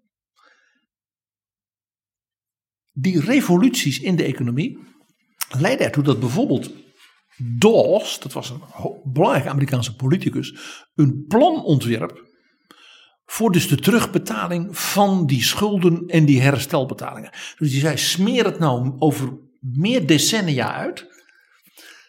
Het voordeel is dat je dan zeker weet dat geld gaat terugkomen. Ik denk dan altijd even aan Jan Kees de Jager. Dat geld van de Grieken komt terug. Ja? Want dat gaan we goed regelen. Dat was wat dus Jean Monnet als jonge vent al zei hè, in Saarland. Dawes kwam met, met het zogenaamde Dawes-plan. Daarin werkten ze, de Amerikanen ook weer samen met de Fransen. Dus de Amerikaanse minister Kellogg en de Franse minister Aristide Briand maakten ook zo'n plan. Die hebben daar zelfs de Nobelprijs voor de Vrede voor gekregen. Omdat dat een doorbraak mogelijk maakte, waardoor de Duitsers en de Fransen, en dat die volkeren weer met elkaar, ondanks al die ellende en die oorlog, zeiden: we gaan het samen toch weer proberen. In Duitsland, maar ook natuurlijk in de Sovjet-Unie, dus in die keizerrijken die allemaal waren ingestort, zag je dus een enorme economische, technologische en ook culturele innovatie waar we het over hadden. De autobanen in, de, in Duitsland zijn niet van de nazi's. Die zijn uit de Weimarrepubliek. Dat hele plan is toen gemaakt. De infrastructuur van Duitsland is doordat dat keizerrijk weg was en die nieuwe lender die we nu ook nog in Duitsland kennen hè, eh, ontstonden, werd dat dus ineens met moderne regeringen, burgerlijke regeringen, ja, werd dat dus aangepakt. Het is geen toeval dat het bouwen van massale, moderne, eh, schone, wij zouden nu zeggen ook eh, geïnnoveerde volkshuisvesting. Flats. Met een toilet voor iedereen. Met een bad voor iedereen. Ja, met een kamer zodat de kinderen hun huiswerk konden doen. Dus voor de gemiddelde burgerij en voor de arbeiders. En dat het er ook nog mooi uitzag. Met groenvoorzieningen. Met een school. Met een winkelcentrum. Ja. Dat kennen we uit de jaren twintig in Duitsland. En de Duitse, in feite dus met die Amerikaanse ja, kredieten van die herstelbetalingen, gefinancierde massale woningbouw, werd dus het leermoment voor de hele wereld. Het is interessant dus dat het niet zoveel uitmaakte welk regime er zat.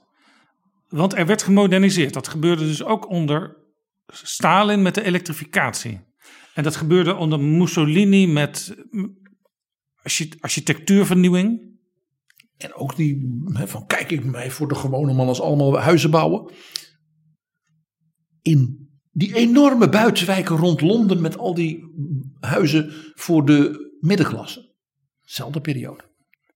De rijtjeshuizen. Maar het oermodel daarvan, dus het planmatig dat ontwerpen en eh, doen, kwam dus uit Duitsland.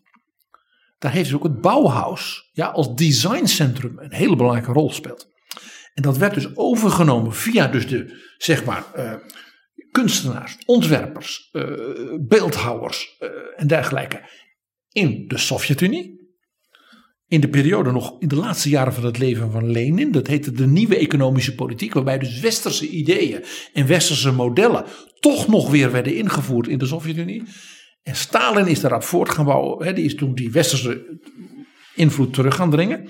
Maar heeft toen de beroemde elektrificatie van de Sovjet-Unie. We gaan alles elektrisch doen, zodat je nieuwe technologieën, et cetera, et cetera, kon doorvoeren. Dat maakte dus dat die economie versneld herstelde. En dus die kredieten van de Amerikanen, die gaven zekerheid. De Amerikanen zeiden, oh, dat geld dat komt wel terug, dat zit wel goed. Money makes the world go round. Dit was natuurlijk alleen mogelijk doordat die oude wereldorde, mag ik het zeggen, de feodaliteit, die keizerrijken, de tijd sinds 1648. Hernomen natuurlijk in de tijd na Napoleon en de Franse Revolutie, de restauratie. Dat die dus voorgoed voorbij was. Ja.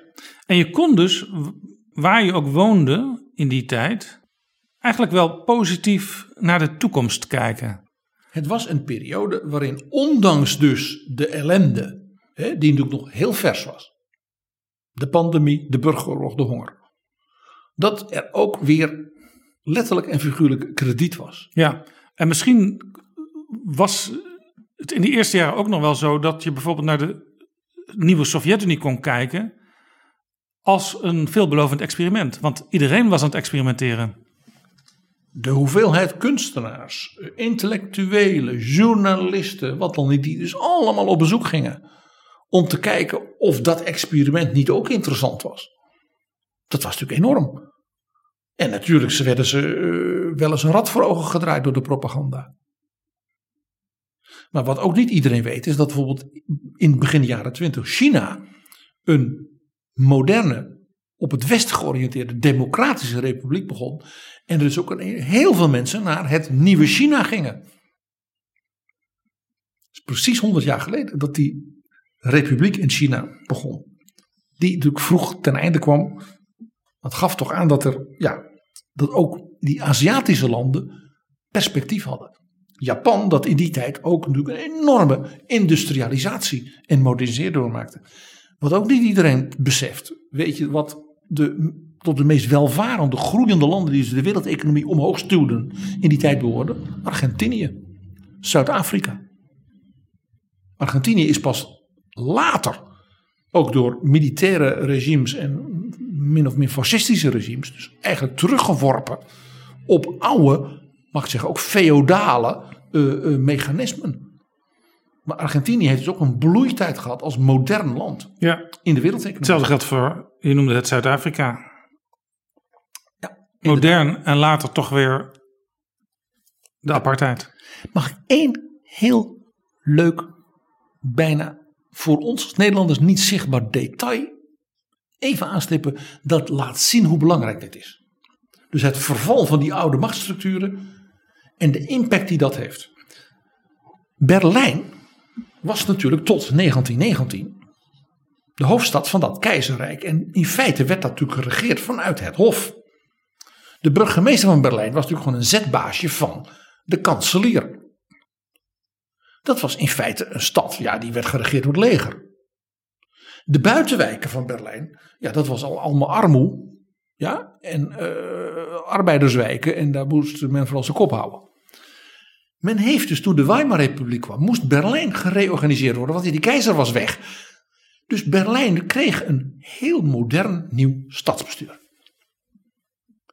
En dat leidde ertoe dat ineens alles moest worden gereorganiseerd de politie, het toezicht op de scholen, eh, de verkeersregels. Vul maar in voor een stad van 3 miljoen, die daarvoor dus in feite niet bestond.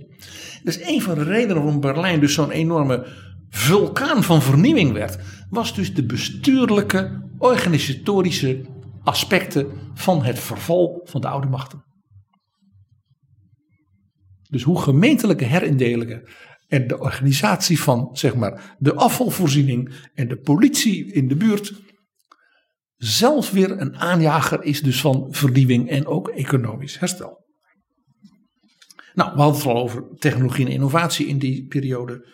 De nieuwe media, de radio, de film, de mobiliteit, massaal met auto's. Ja? De autobaan. Het woord zegt het al. De wereldwijde handelskanalen die ontstonden doordat het tempo door de technologie omhoog ging. De snelste treinen zijn uit die tijd. De snelste schepen uit die tijd. De vliegtuigen die kwamen. Telegraaf, telefoon werden dingen die iedereen gebruikte. Iedere winkelier en iedere burger zo langzamerhand kreeg een telefoon. En in de vormen van het ontwerp ook vaak weer die science fiction-achtige vormen. Art Deco ja, was een ook door technologische innovatie gedreven designvorm.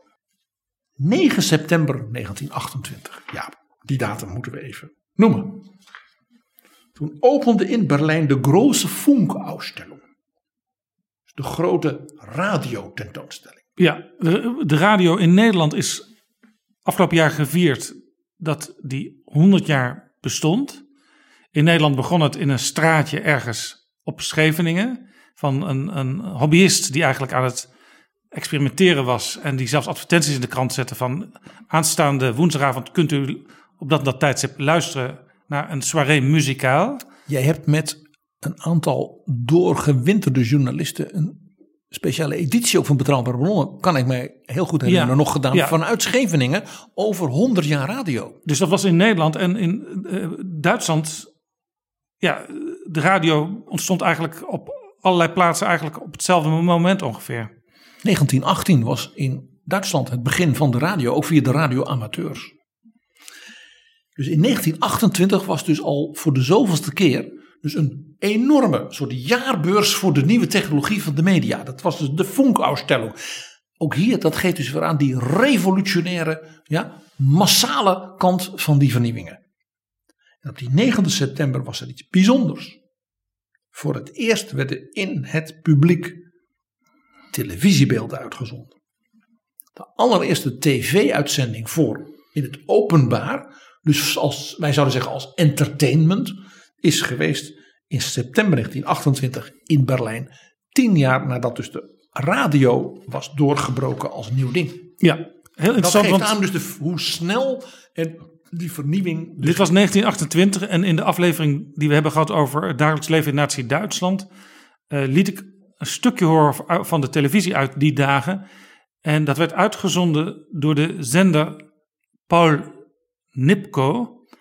En hij is natuurlijk de man van wat we in Nederland noemen de Nipkoff-schijf. Want ja, het was allemaal net gebeurd. Dit is een mooi voorbeeld van hoe de jaren 20, ook 100 jaar nadien, dus nog een soort aanjager vormt van de vernieuwing van cultuur, technologie en dergelijke. En waarom ik dus zei, die jaren 20, dat is een onderwerp juist nu, juist na corona. En dat is dus de les blijkbaar die jij ons wil vertellen, PG. We zitten nu misschien voor een deeltje nog in lockdown. We gaan nog niet voor elk wisselwasje de trein in. We kunnen nog niet massaal onze cultuurbeleving hernemen. Maar, zeg jij, wanhoop niet. Precies.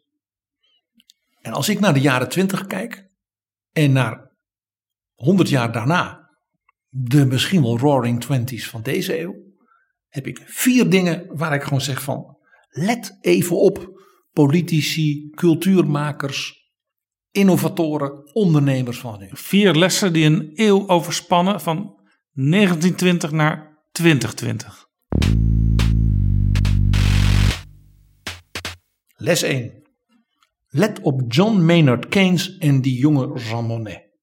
Keynes die zo kritisch was over dus die herstelbetalingen aanpak. Waarom zou je nou na een oorlog mensen arm maken om ze te straffen? Als wraak.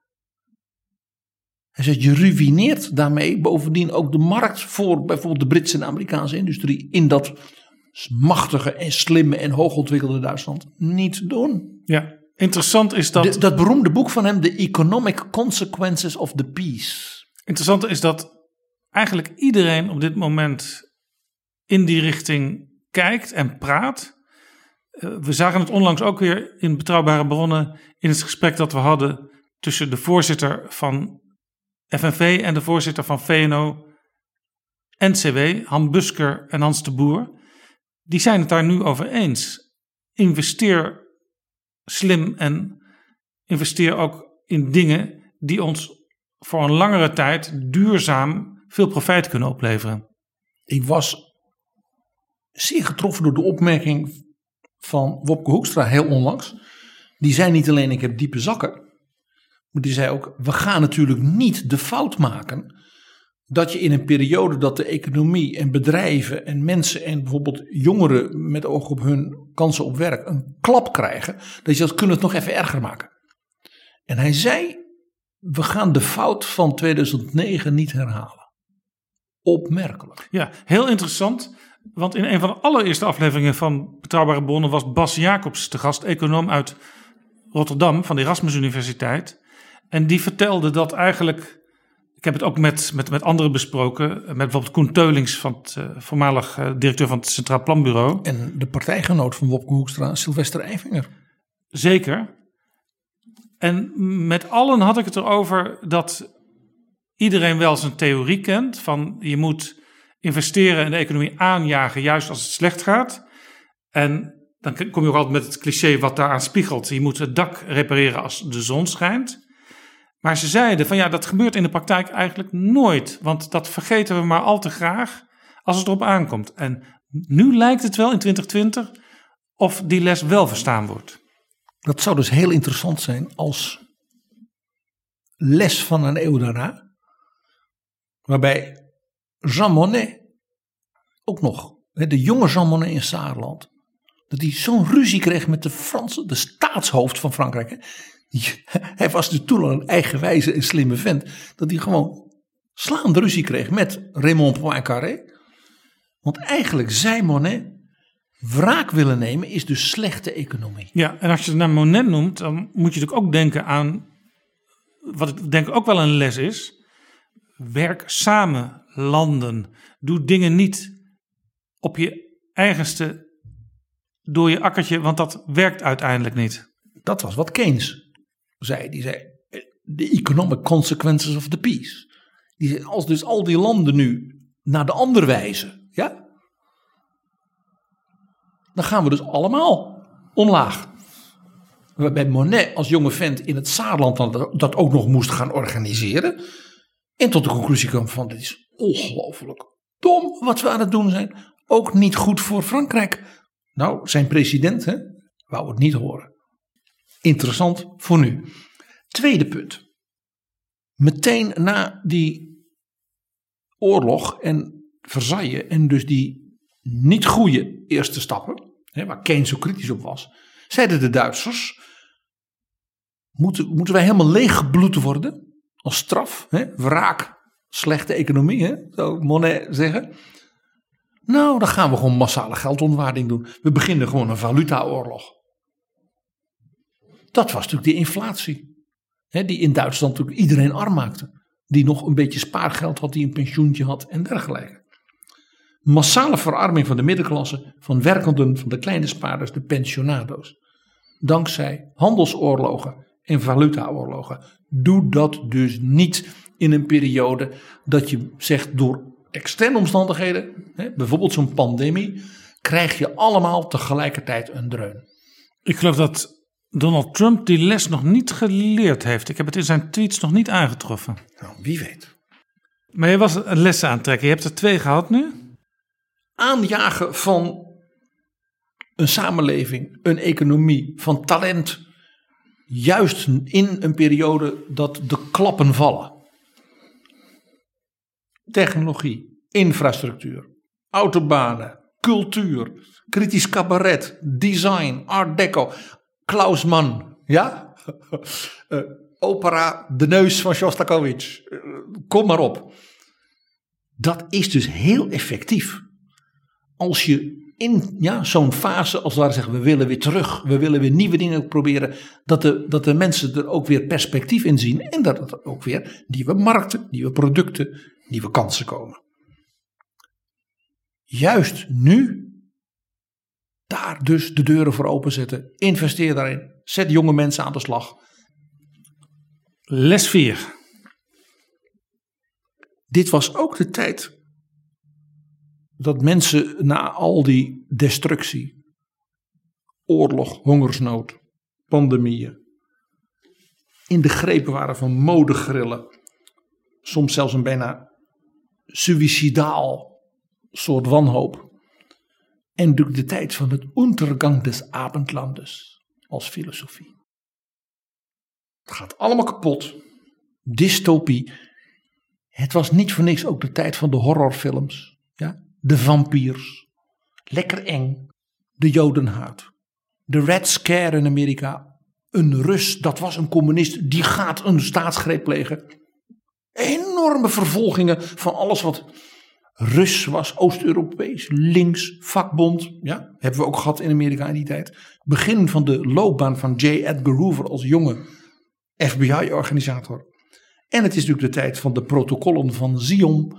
Dus samenzweringsmythes en, en Complottheorieën. verhalen. Waarbij de Joden natuurlijk het altijd als het puntje bij paaltje kwam dan hadden gedaan. Ach ja. En ook in de Sovjet-Unie. Ook in dat regime. Koelakken, ja, dat waren rijke boeren. Die hielden het graan achter voor de arbeiders. Dus alle boeren moesten hun land worden afgepakt. De formalisten in de kunst. Je mocht alleen opera schrijven zoals de baas het wilde op een bepaald moment. En ook de ingenieur. Een ingenieur was op een bepaald moment een begrip dat stond voor spionnen. Want die hadden dus in het buitenland gestudeerd. Of die hadden bijvoorbeeld Engelstalige boeken over hoe dat apparaat werkte. En dus waren ze beïnvloed door het kapitalisme dan wel andere slechte mensen. En die kon je ook makkelijk de schuld geven, want die deden dingen die niet meteen voor iedereen na te volgen waren. Want innovatie is verandering. Dus wees waakzaam voor de modegrillen van wat ik maar noem de dystopie. En de zucht naar ondergang en verwoesting. In die vier dingen zit dus, mag ik zeggen, eronder zit nog iets. Dat is dat deze periode van de jaren twintig, dus die fase van onze cultuur en historie, een hele sterke dialectiek kende. Je zag namelijk de krachten die, die normenstelsels, de machtstelsels, ook de cultuur, de zeden. Die er waren. Die periode, zeg maar wat ik maar noem 1650, 1915. Die krachten veegden ze weg. Die werden weggevaagd door dus nieuwe, ja, wat ik noem die opgepropte energie ook. Maar die krachten, die waren dus vooral deels destructief, deels dat tabula rasa. Maar ze waren niet de krachten die als het ware die nieuwe samenleving, een nieuwe politiek en cultuur inhoud konden geven. Het was niet toevallig dat zowel de NSDAP van Adolf Hitler als de KPD in Duitsland, als Jozef Stalin, als Mussolini zichzelf vooral ook presenteerden als revolutionaire bewegingen die met geweld de wereld mochten veranderen namens het volk. Maar zij zagen dus dus, destructie, maar het opnieuw invullen van een zeg maar, vreedzaam perspectief waarin mensen weer samen verder konden, dat zat er niet in.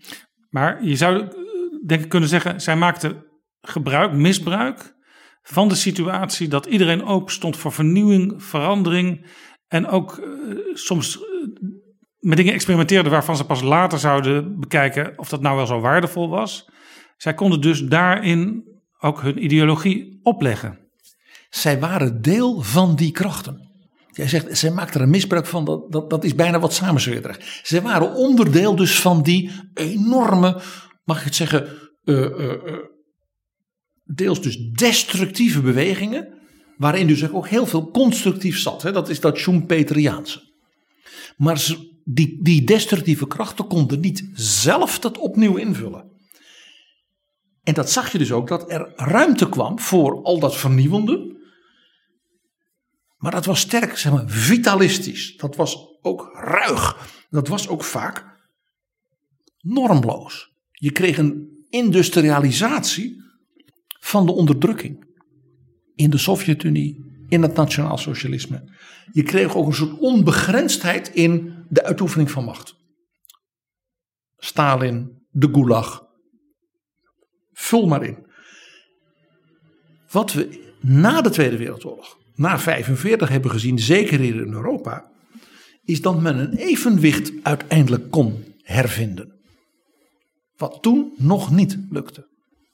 Dus dat, dat is wat ik noem de dialectiek. Het was aan de ene kant dus vernieuwend in zijn destructie, maar het was nog niet vernieuwend in zeg maar, wederopbouw. Ja, dus wat jij mij eerder in dit gesprek een beetje verweet, dat ik een soort mythisch verkeerd beeld van de jaren 50 heb. Jij zegt juist, er was ook wel geleerd van die periode tussen de twee grote wereldoorlogen. En de fouten wilde men niet opnieuw maken. Dus men ging meteen na de Tweede Wereldoorlog, na de bezetting in Nederland, aan de slag met nieuwe structuren. Om snel dat houvast weer te hebben. Waarbij men dus met dank aan de Marshallhulp, net als dus na die Eerste Wereldoorlog, dat de Amerikanen zeiden: wij komen met uh, investeringen, maar dan moet u het wel goed doen. Dat men dat toen opnieuw deed. We hebben het erover gehad met 70 jaar SER, 75 jaar Stichting van de Arbeid. Dat men New Deal-achtige, Roosevelt- en Truman-achtige methodieken ook in Europa ging toepassen. Ja. Waarbij dan ook mensen als Monet hè, met zijn enorme netwerk in Amerika dat ook Precies, en daar, daar hadden we het net ook al even over. Dat kan dus ook een beetje concluderend, uh, dit gesprek, PG, uh, nu ook een hele belangrijke les zijn. Probeer toch wel op een goede manier, bijvoorbeeld in Europa, samen te werken aan die economie weer snel opbouwen en vernieuwen en verduurzamen. En wees niet de pieterpeuterig in het beoordelen van de plannen. En laat je dus niet meeslepen in wat ik noem dystopische Untergang des Abendlandachtige samenzweringsgedachten daaromheen. Eigenlijk zeg ik dus nu tegen jou, Jaap. We zien bij corona, niet alleen in Europa, ook elders. Denk aan ons gesprek met dokter Ngozi. Uh, omzien naar elkaar, begrip voor elkaar, zorg voor elkaar. Weer ruimte krijgen, ook waardering krijgen. Er is meer in het leven dan geld en goed, om het dus even heel reformatorisch te zeggen. En dat we ook zien dat een heleboel mensen, je noemde de namen al, de gesprekken die we hadden, die zeiden: en laten we nou vooruitkijken naar de periode daarna. En door de goede dingen te pakken, daarin te investeren, met elkaar ook weer verder te kunnen. Dus een stukje, mag ik zeggen, ook nieuw levensvreugde en optimisme. En zo kan, we, kan het notabene nog een keer voor ons die Goldene Zwanziger worden. Wir schaffen das. PG, jij vond het zeker in de beginperiode van Betrouwbare af en toe heel prettig om met een stukje muziek te eindigen. Gaan we ook mee door hoor, ja. En zo'n moment komt nu ook weer, begrijp ik? Ja, we moeten toch even nog een momentje terug naar de Dreigroschenoper van Kurzweil en Bert Brecht. Want heel erg jaren twintig en ook een beetje van optimisme en dromen van de toekomst zit daar ook in. Hoewel die opera over sloebers gaat, hè, die maar drie hebben. Dan hebben we het over Jenny. Jenny werkt in een bar. En ze heeft niks te makken. Maar Jenny heeft een droom. Er komt een dag. Dan komt er een wilde piraat. En die redt haar. En dan neemt ze wraak op al die kerels die haar al die jaren ja, in de hoek trapten, vernederden en hebben uitgebuit. Het lied van Zeeräuber Jenny. En laat dat ook het perspectief zijn van al die mensen die in Nederland in de bar werken en die een paar dagen nadat we dit opnemen weer aan het werk mogen en misschien ook ooit een gedroomde toekomst tegemoet gaan zoals Jenny die had. Maar dan zonder piraten. Und das Schiff mit acht Segeln und mit 50 Kanonen wird beschießen die Stadt.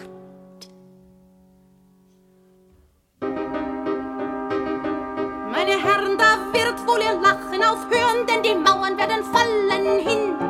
Und die Stadt wird gemacht, dem Erdboden gleich. Nur ein lumpiges Hotel wird verschont von jedem Streich. Und man fragt, wer wohnt besonderer darin?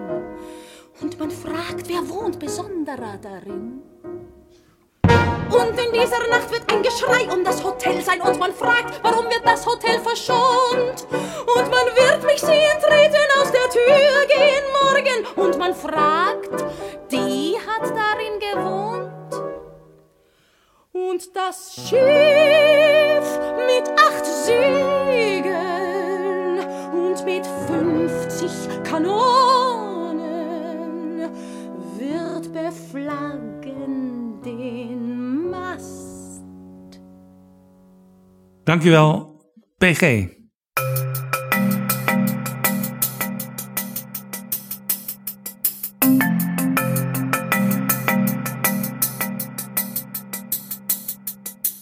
Zo, dit was Betrouwbare Bronnen aflevering 113. Deze aflevering is mede mogelijk gemaakt door We Nederland. Overweegt u Betrouwbare Bronnen te sponsoren of in deze podcast te adverteren? Stuur dan een mailtje aan onze Flip, dat is Flip Kilian Adams. Zijn adres flipapenstaartdagennacht.nl.